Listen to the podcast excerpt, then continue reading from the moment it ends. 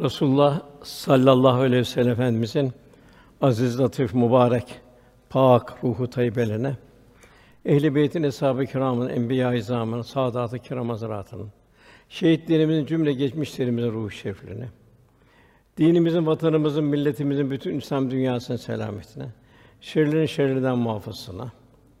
Diğer taraftan ümmet-i Muhammed'in hastalarına şifa, dertlerine deva, borçlarına eda niyazıyla bir Fatiha-i üç İhlas. Allahümme salli ala seyyidina ve ala seyyidina Euzu billahi mineşşeytanirracim. Elhamdülillahi rabbil alamin. Errahmanirrahim. Maliki yevmiddin. İyyâke na'budu sıratal sıratal lezîne aleyhim ghayril mağdûbi aleyhim veleddâllîn. Amin.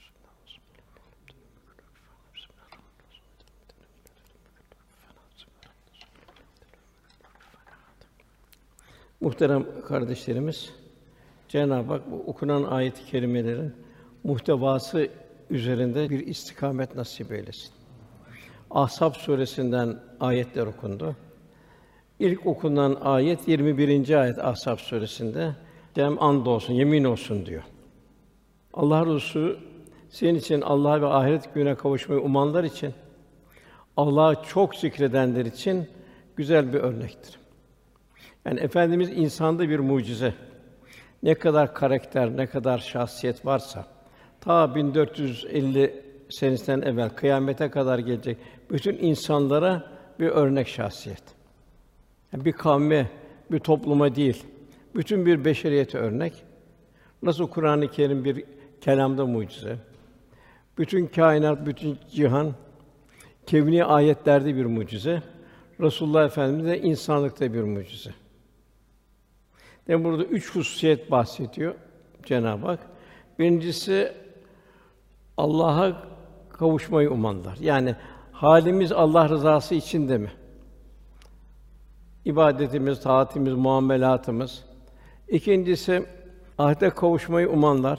Ahiret daima gözümüzün önünde mi? Biz dünyaya ahiret için geldiğimizin daima farkında mıyız? Kendimizi bir gafletten koruyabiliyor muyuz? Bir de Allah'ı çok çok zikrediyorsak, yani her gördüğümüz şeyde Cenab-ı Hak hatırlıyorsunuz. Aman ya Rabbi diyoruz. Elhamdülillah diyoruz. Şükür ya Rabbi diyoruz. Onun için Resulullah Efendimiz kalp bu kıvama gelen müminler için Allah Resulü üsve-i hasene ol, örnek şahsı, örnek karakter oluyor. Zaten bu şahse muhtacız ki efendim böyle el mer'u men ehabbeki sevdiğiyle beraberdir. Demek ki ne kadar muhabbetimiz varsa, bu fiili olarak varsa, sözde değil tatbikatta o kadar kıyamet günü beraber olacağız. Ondan sonra gelen okunan diğer ayetler Muhammed sallallahu aleyhi ve sellem sizin erkeklerinizden hiçbirinin babası değildir. Fakat o Allah Resulü peygamberlerin sonuncusudur. Allah her şeyi hakkıyla bilendir. Ondan sonra ey iman edenler Allah'ı çok çok anınız buyuruyor. Yani namaz kıldık, ibadet ettik. Ondan sonra yine kalbimiz devamlı salavat-ı getireceğiz. La ilahe illallah melikul hakkul mübin diyeceğiz. La havle ve la kuvvete illa billahil aliyyil azim diyeceğiz. Her gördüğümüz şey bizi bir derinliğe götürecek. Bir çiçeğe bakınca aman ya Rabbi bu çiçek nasıl? Bir kara topraktan nasıl çıktı? Yediğimiz sebze, meyve, hayvanatı vesaire neye baktığımız zaman her gördüğümüz şeyi Cenab-ı Hakk'ı hatırlayacağız. Onun için ey iman Allah'a çok çok zikredin buyuruyor. Yani kalp Cenab-ı Hak'la beraber olacak. Yine ondan sonra gelen ayette ve onu sabah akşam tesbih edin buyuruyor. Yani günün her zamanda sabahtan akşama, akşamdan sabaha daimi olarak. Yani Cenab-ı Hak unutulmuyor. Unutulmazsa ne olur? Günahlardan, nefsine arzulardan kendimi koruruz. Cenab-ı Hak yine bir büyük nimet bildiriyor müminler için. Sizi karanlıklardan aydınlığa çıkarmak için üzerine rahmeti gönderen odur. Yani Cenab-ı Hak büyük bir rahmet gönderiyor. Resulullah Efendimiz çok büyük bir rahmet. Melekleri de size istiğfar eder. Hiç farkında değiliz biz. Melekler de dua ediyor. Demek ki Cenab-ı Hak Resulullah ne kadar çok seviyor. Resulullah Efendimiz ümmetini de ne kadar çok seviyor. Değil mi? Kul bu nimetin şükrü içinde olacak. Yine buyur Allah müminlere karşı çok şefkatlidir buyuruyor. Demek ki iş tam mümin olabilmek. Yani kat eflar mümin, müminler kurtuldu buyuruyor. Yani mümin olan mümin olabilmek. Yine o salih kimseler, o güzel kimseler, Allah'a yakın kimseler kendisi kavuşturdukları gün Allah'ın ona iltifatı var, bir selamdır. Yani büyük bir selamla, merasimle karşılanacak onlar. Onlara Allah katında çok değerli bir mükafat hazırlanmıştır. Yine Yasin'de de aynı selamun kavlen Rabbir Rahim buyuruluyor. Yani bir faninin iltifatı Cenab-ı Hakk'ın iltifatıyla karşılayacaklar. Değil mi? Allah cümlemizi salih, saliha, sadık, sadıka, zakir, zakir olmamızı, şakir, şakir olmamızı Cenab-ı Hak nasip eylesin. Ondan sonra ey peygamber buyuruyor Cenab-ı Hak. Sizi hakikaten bir şahit. Neyin şahidi? İslam'ın şahidi. Fiili şahit, yaşayarak her şeyle şahit. Bir müjdeci, ebedi bir hayatı müjdeliyor ve bir uyarıcı, bir ikaz edici gönderdik buyuruyor. Yine Allah'ın izniyle bir davetçi nur saçan bir kandil olarak gönderdik. Bak Cenab-ı Hak ne kadar Resulullah'ı seviyor, biz de ne kadar bunun farkındayız. Biz ne kadar seviyoruz. Lafta sevilmez, fiilde sevilir. Tatbikatta muhabbet artar. Muhabbet iki kalp arasında bir ceyran hattıdır. Taklit ettikçe o muhabbet artar. Ondan sonra Allah'tan büyük bir lütfu ereceklerine sen müminlere müjdele buyur Cenab-ı Hak. Efendim bugünkü sohbetin mevzu efendimizin güzel ahlakından fazilet misalleri. Yani bu fazilet misallerinden bizde ne kadar var? O kadar Resulullah Efendimize yakınız. Çünkü kıyamette ki sevdiğiyle beraber olacak. Eshab-ı kiram hep bunun derdindeydi. Dünyada büyük bir lezzet duydu. Doyamadı o lezzete.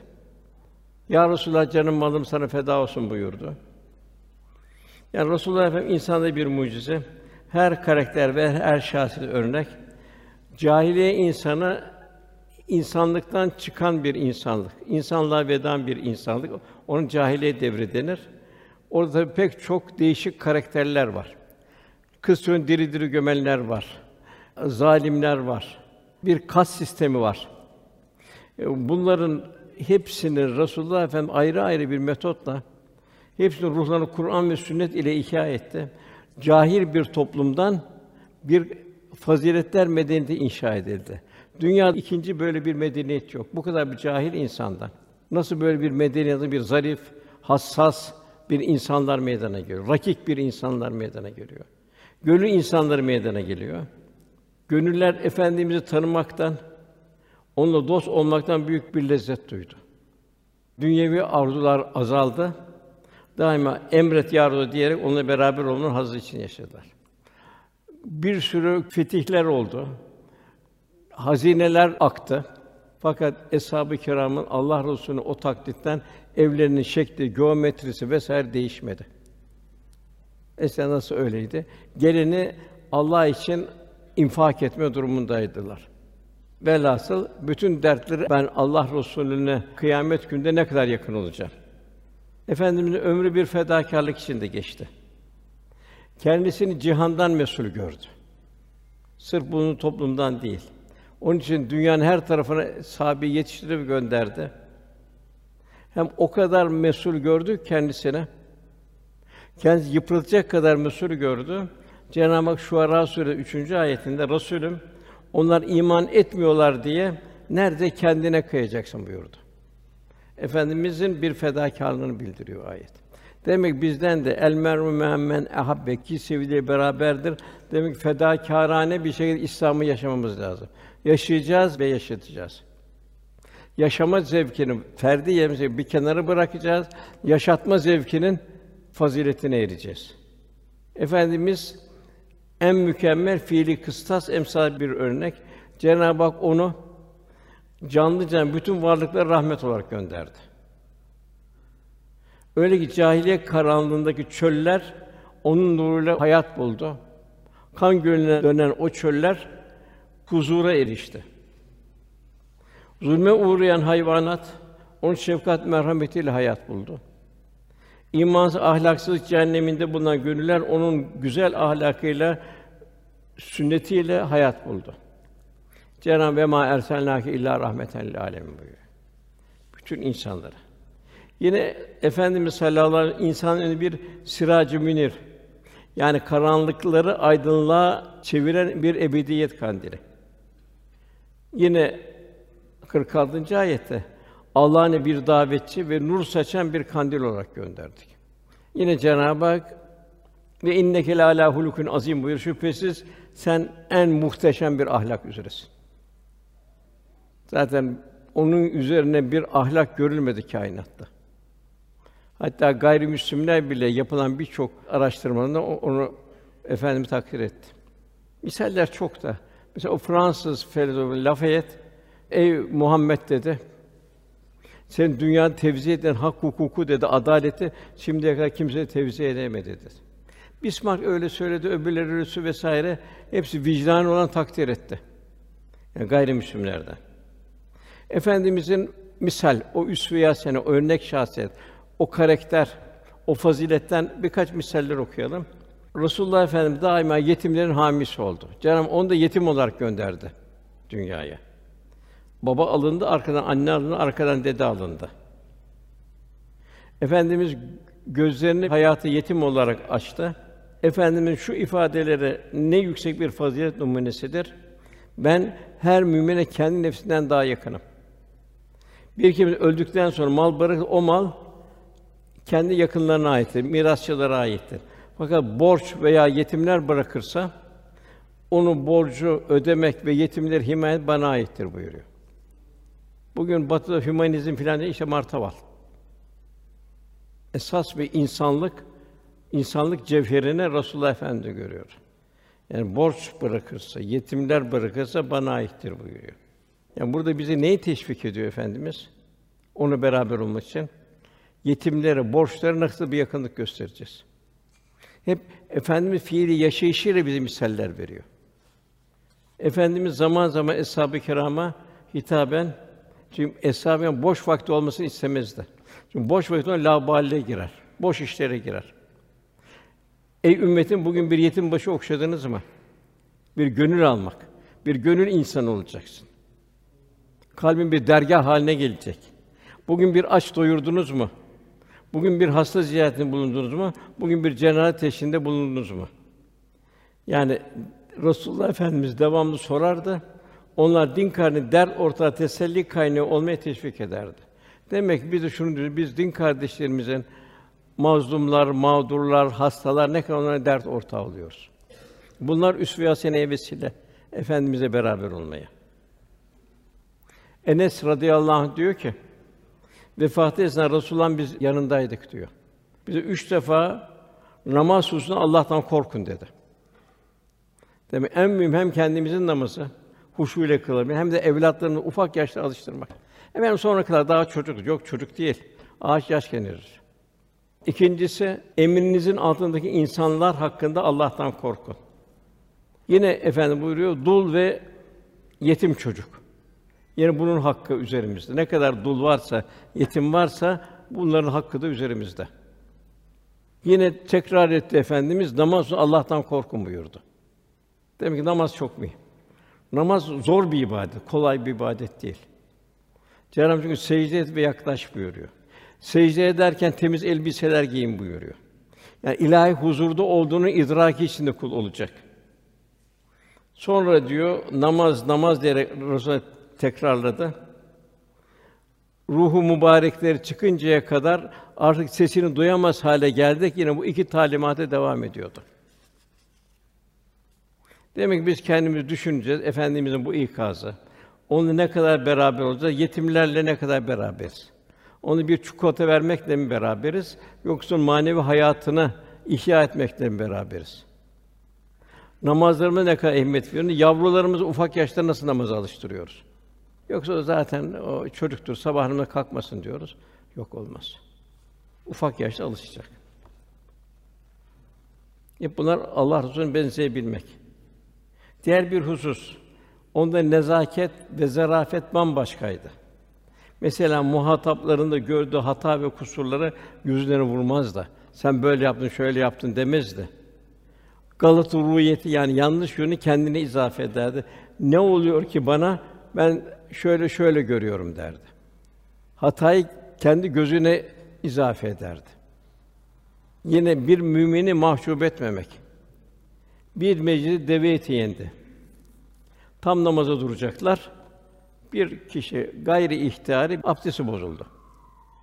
Şimdi gelinen gidip abdest alsın demiş çünkü mahcup olacak diğer şeyler arasında.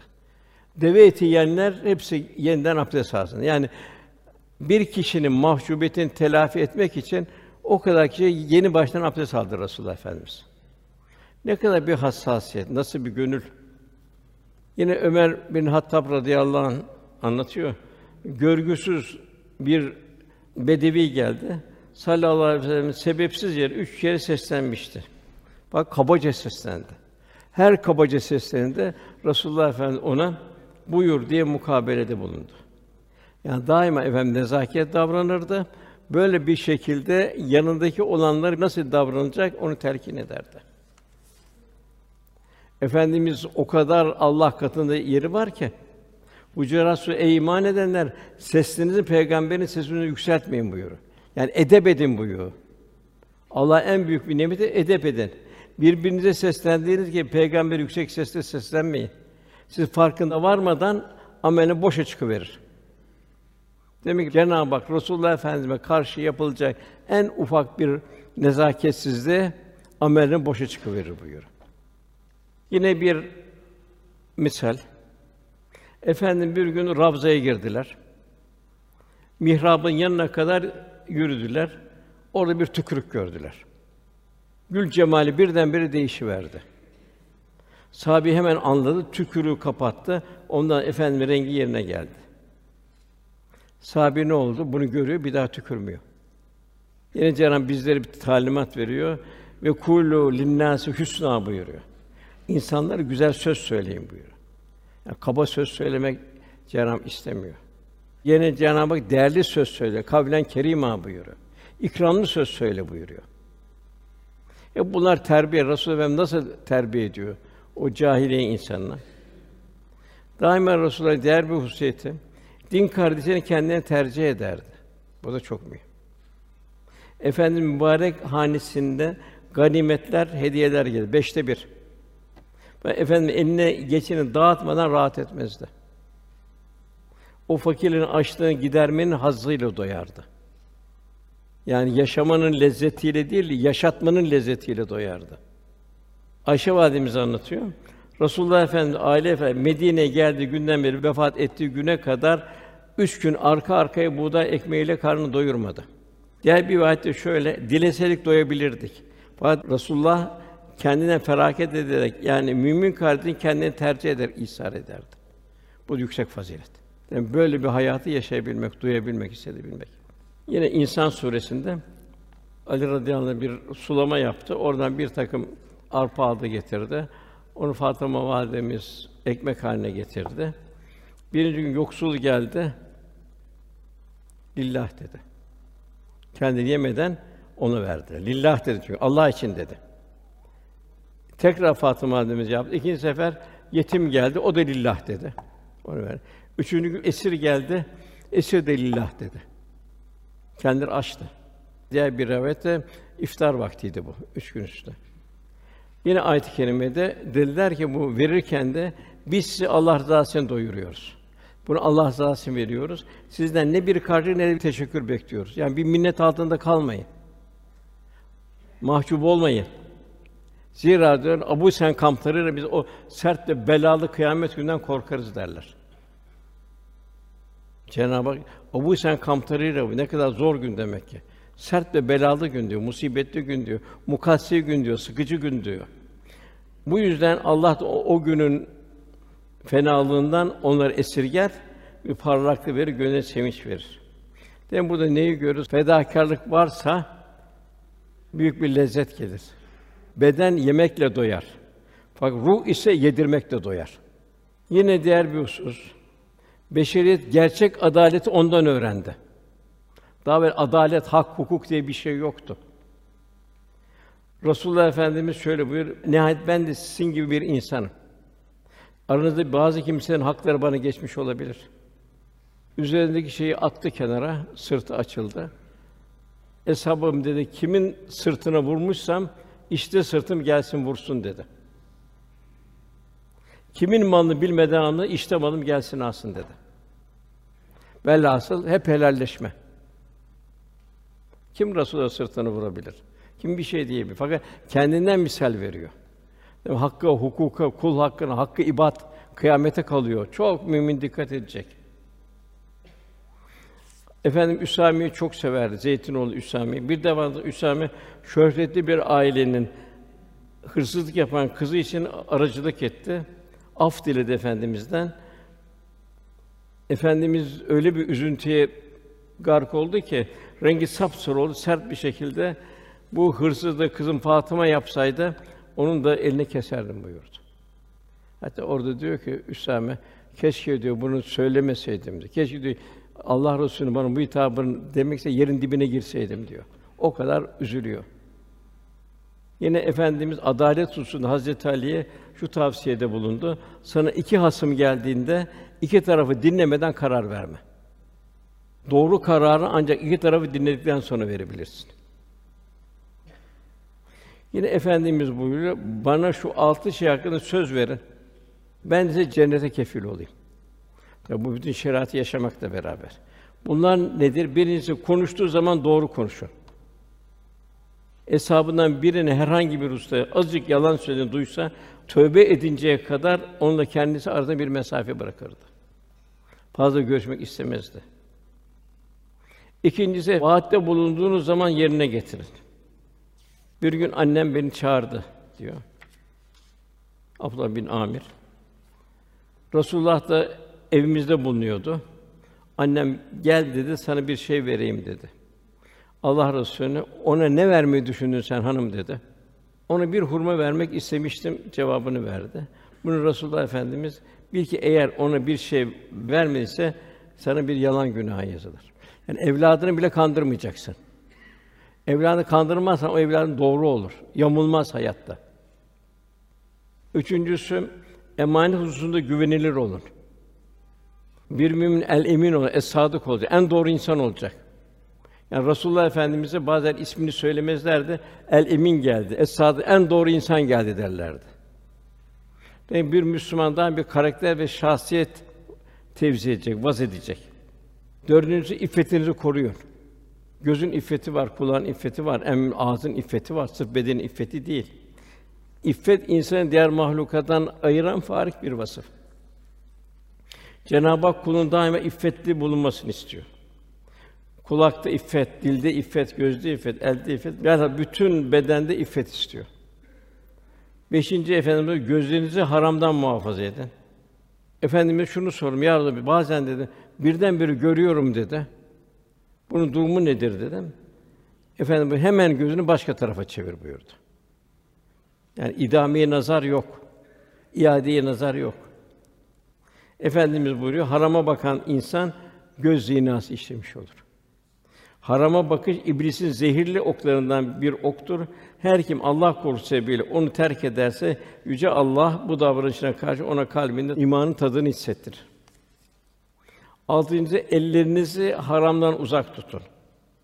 Demek ki bu adalet, hak, hukuk vesaire. Bunu ne kadar dikkat edebiliyoruz. Cenab-ı Hak buyuruyor: Ey iman edenler, adaleti titizlikle ayakta tutan. Kendinizi, ana babanızı ve akrabanızı aleyhinde de olsa Allah'ın şahit eden kimseler olun. Hislerinize uyup adaletten sapmayın. Yine efendimiz yani bu vasıfları sayıyoruz ki ne kadar kıyamette beraber olacağız, ne kadar bu halleri yaşıyoruz. Savaşta dahi Efendimiz merhamet tevzi ederdi. Bir gün müşrikler geldi bu Bedir harbinde. Efendimizin yanında bu kuyudan su almak istedi. Ersun harbe girecekler kılıç kılıça. Sahibi vermek istemedi, efendim verin dedi. Daima bir Müslüman İslam'ın merhametini, şefkatini tevzi edecek. Bir günde efendimiz müşrikler lanet et ya Resulullah dedi. Dişini kırdılar efendimize. Ben lanetçi olarak gönderilmedim, alemler rahmet olarak gönderildim buyurdu. Yani bir Müslüman bir rahmet tevzi edecek, rahmet insanı olacak. Efendimiz Taif'te taşlandı. Taş kapli insanlar tarafından taşlandı. Efendim mahzun bir şekilde geri dönen Cenab-ı Hak Cebrail ile dağlar meleğini gönderdi. Melek ey Muhammed kavminin sana ne dediğini Cenab-ı Hak işitmiştir. Ben dağlar meleğiyim. Allah Teala beni sana gönderdi. Ne yapmamı istiyorsun? Eğer dilersen şu iki dağı birbirine vurayım. bütün içindeki helak olsun. Efendim merhamet peygamber. Hayır ben Cenab-ı Hakk'ın onun nesini sadece Allah'a ibadet eden, onu hiçbir ortak koşmayan kimseleri getirmesini diliyorum.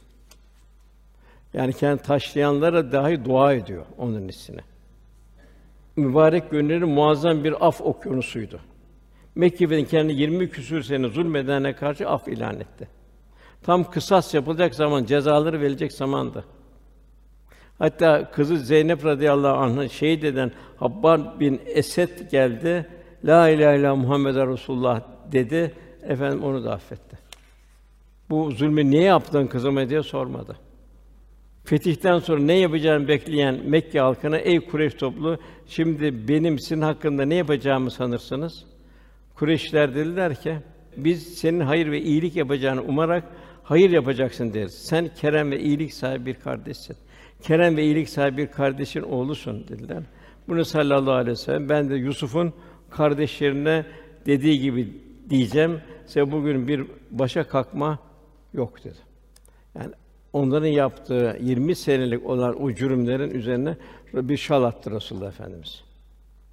Ondan sonra diğer bir tarafı bugün dedi merhamet günüdür dedi. Bugün Allah'ın Kureyşleri İslamiyetle güçlenip üstün kılacağı bir gündür. Zaten Kureyşler hemen hepsi Müslüman oldu. Resulullah büyü yapıldı. Ayşe ya Resulallah sihir yapan kimseyi teşhir edip rezil rüva etsen olmaz mı dedi. Efendim şu muhteşem cevap verdi. Allah Teala bana şifa verdi. Onu yaptığı zehirlemeden sonra ben de insanlar üzerine şerri yaymak, ona kötülük yapmak istemem buyurdu. Daima af. Demek ki bize burada telkin şahsımıza karşı yapılan hatalara karşı nasıl bir mukabele bulunacağız? Resulullah Efendimiz nasıl mukabele bulunuyordu? Cenab-ı Nur suresinin 22. ayetinde Ebubekir Efendimizin en çok sadaka verdiği kimse Hazreti Ayşe radıyallahu annemize iftira atan biri çıktı sadaka vermeyeceğim dedi.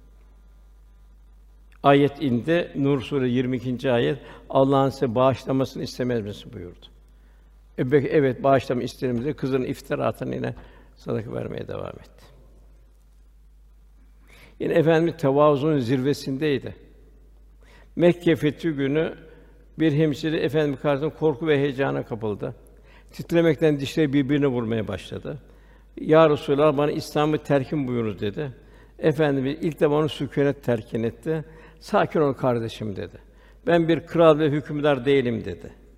Muhterem validelerini kastederek Kureyş'ten güneşte kurutulmuş et yiyen senin eski komşunun ben yetimiyim buyurdu. Yani tarihte Kâb'ına valına bir tevazu örneği. Yine efendimiz kendisini arkadaşlar farklı bir görmezdi. Yani bir sefer esnasında hesabından koyun kesip pişirmeyi istenmişti. Sahabeden biri ya onu ben keseyim dedi. İzin aldı. Biri yüzmesini ben yapayım dedi. Bir başkası pişirmesinin de bana ait olsun dedi. Farikâne efendim o halde dedi, odun toplamak da bana ait olsun dedi. Sahabi dediler ki, ya biz bunu yaparız dedi odun toplamayı da sizin yorulmamanız isteriz dedi. Efendimiz de sizin benim işimi de yapabileceğini biliyorum. Fakat ben size göre imtiyazlı bir durumda bulunmaktan hoşlanmam dedi. Yine Üsame anlatıyor. Resulullah Efendimiz sözleri Kur'an idi. Çok zikreder, hutbelerini kısa tutar cuma hutbelerini. Namazdan daha uzun kılardı. Bir yoksulun, bir biçarenin işini görmek için onunla birlikte ihtiyacı görünceye kadar yürümekten çekinmez, onunla beraber yürürlerdi. Mahlukata ait bir efendimizin merhameti. Efendim bütün mahlukatı Halik'in nazarıyla bakardı. Kim yarattı onları? Allah yarattı. Niçin yarattı onları? Sana bir el musavvir, el bari sıfatının bir temsili olarak yarattı. Sayısız hayvanat. Efendimiz bütün mahlukatı da Cenab-ı Hakk'ın nazarıyla bakardı.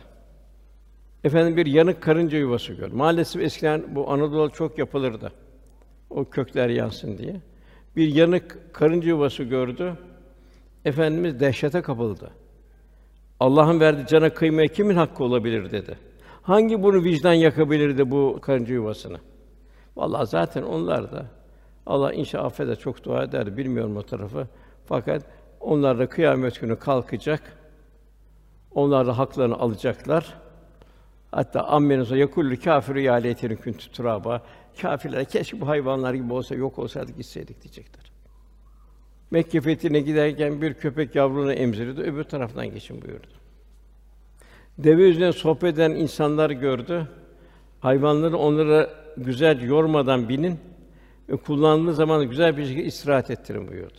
Aşağı inin dedi, oturun orada dedi sohbet edin. Bırakın hayvanlar dinlensin dedi.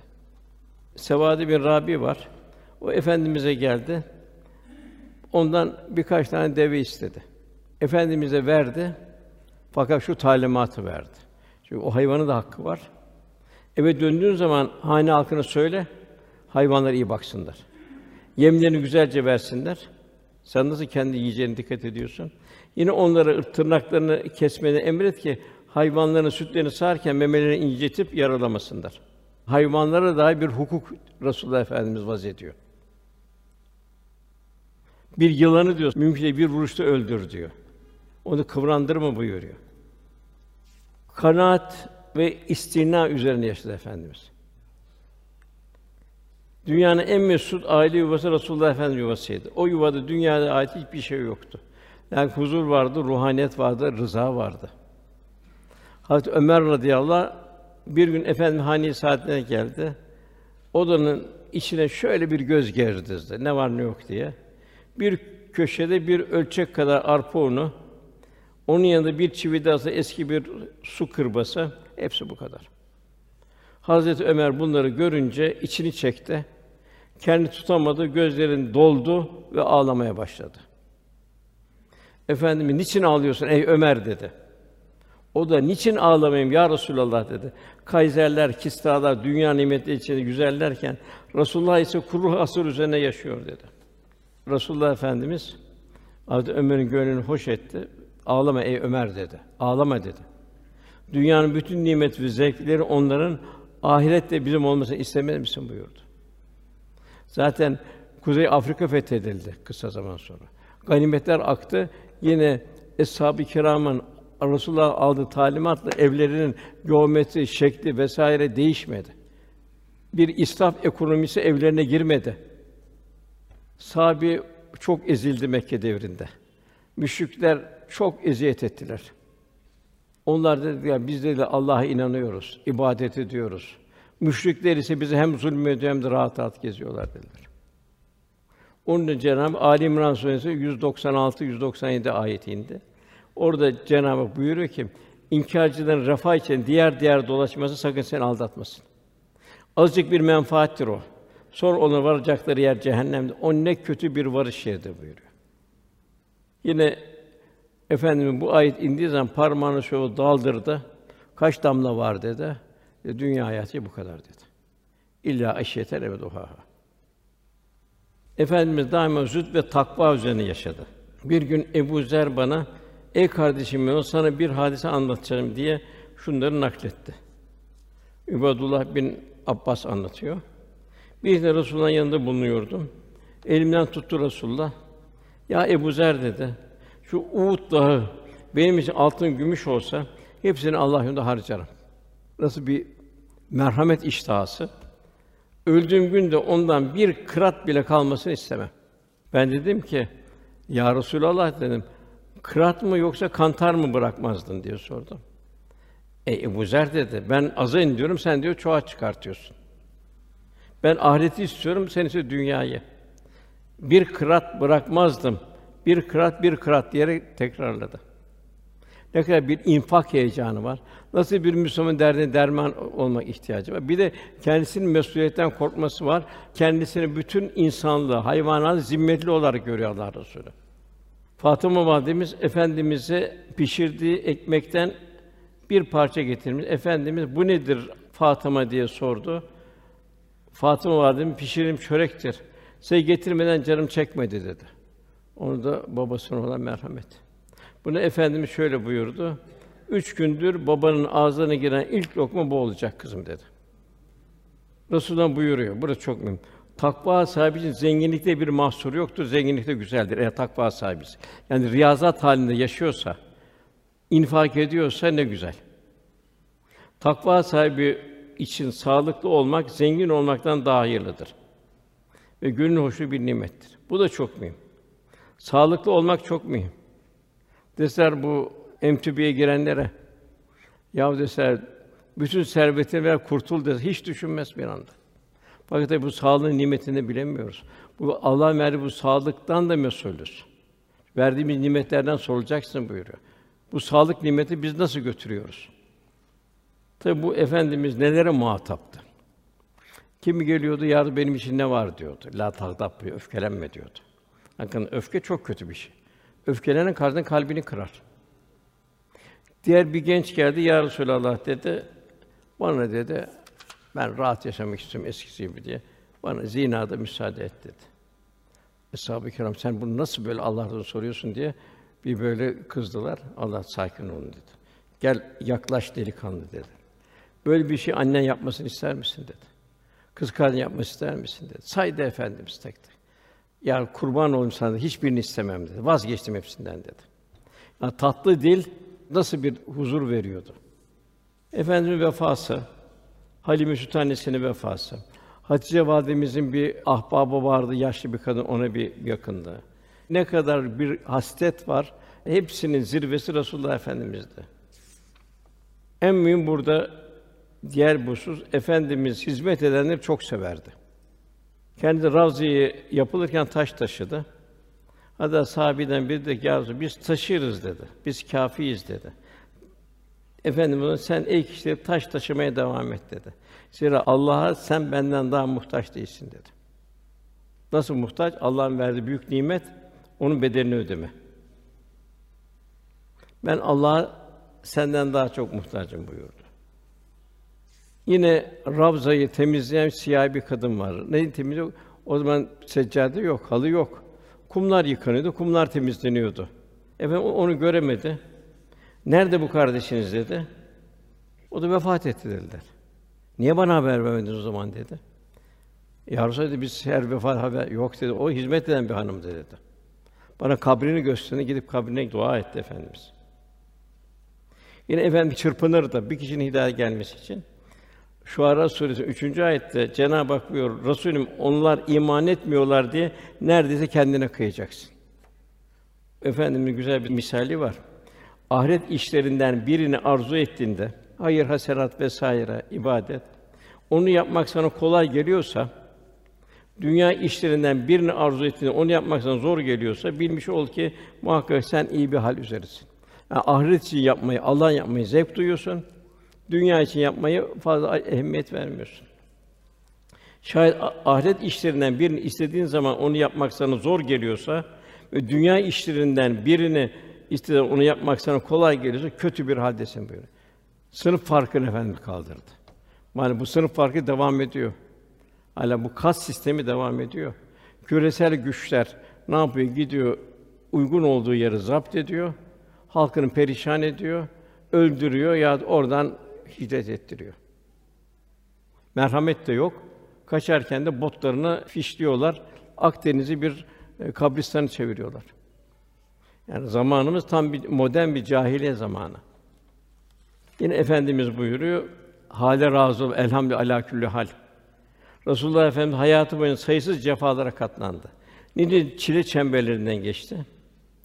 Allah yolunda hiç kimsenin görmediği cefaları gördüm buyuruyor. Edi evladının altısını vefatına şahit oldu. Taif'te hakaret gördü ve taşlandı. Uhud'da Hazret Hamza, Musab vesaire güzide eshab-ı kiram şehit oldu. Mu'ine ve Raci hadisinde Kur'an-ı Kerim talebeleri tuzağa düşürüldü. Bak çektiği bu çile hiçbiri Allah Resulü'nün metanetini, kalbi muhasebesini bozmadı. Daima radiye Allah'tan razı durumdaydı. Bütün bunlar onun büyük bir olgunluk, rıza haliyle karşıladı. Rabbinin rızası uğruna hiçbir fani çileye aldırmadı. Gönlü nice o acılara dağlanması rağmen gül yüzünden tebessüm hiç eksik olmadı. Onu efendim hiç kimse asık bir yüzle, çatık kaşla, abuz bir çehreyle görmedi. Efendimiz daima yanındakilere bulunduğu zaman bir tebessüm halinde olurdu. Daima İslam'ın güler yüzünü aksettirirdi.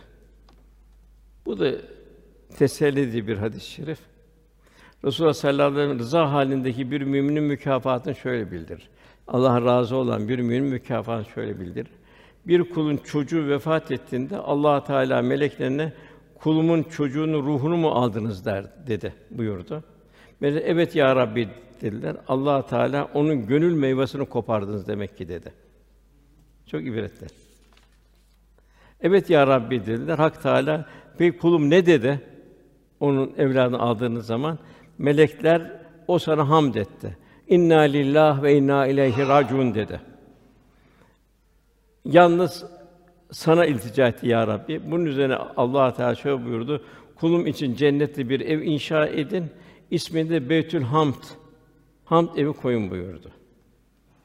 Tabi bu sallallahu aleyhi ve sellem efendimizin o yüce ahlakı, o Cenab-ı Hakk'ın ahlakı onu tasavvur etmeye gücümüz yetmez. Yaşamaya da gücümüz yetmez fakat ne kadar yaklaşabiliriz? Yani şu misaller hayatımızda ne kadar var? Veyahut da ne kadar bu misalleri yaşamaya gayret ediyoruz? Allah cümlemizin yardımcısı olsun. En büyük saltanat Resulullah Efendimiz gibi yaşayıp kıyamet günü onun civarında olabilmek. Allah cümlemize nasip eylesin. دوام بزن قبول نیازی الله تعالی الفاتحه.